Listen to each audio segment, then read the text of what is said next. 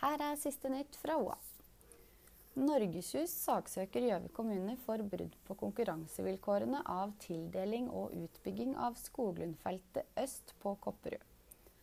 Advokat Jens Christian Skallerud uttaler at hans klient er uenig i kommunens vurderinger, og mener det har gjort feil som enten må føre til ny konkurranse eller ny evaluering.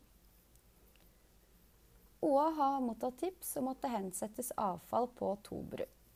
Ifølge tipseren har det her pågått i flere år. Beboerne i området har sett seg lei på at uh, diverse avfall ender opp ved skogkanten i stedet for på avfallsplassen. Folk lufter hundene sine i området, og ifølge tipseren er det glasskår på bakken og skrot slengt rundt. Det er ikke kjent om forholdene er anmeldt.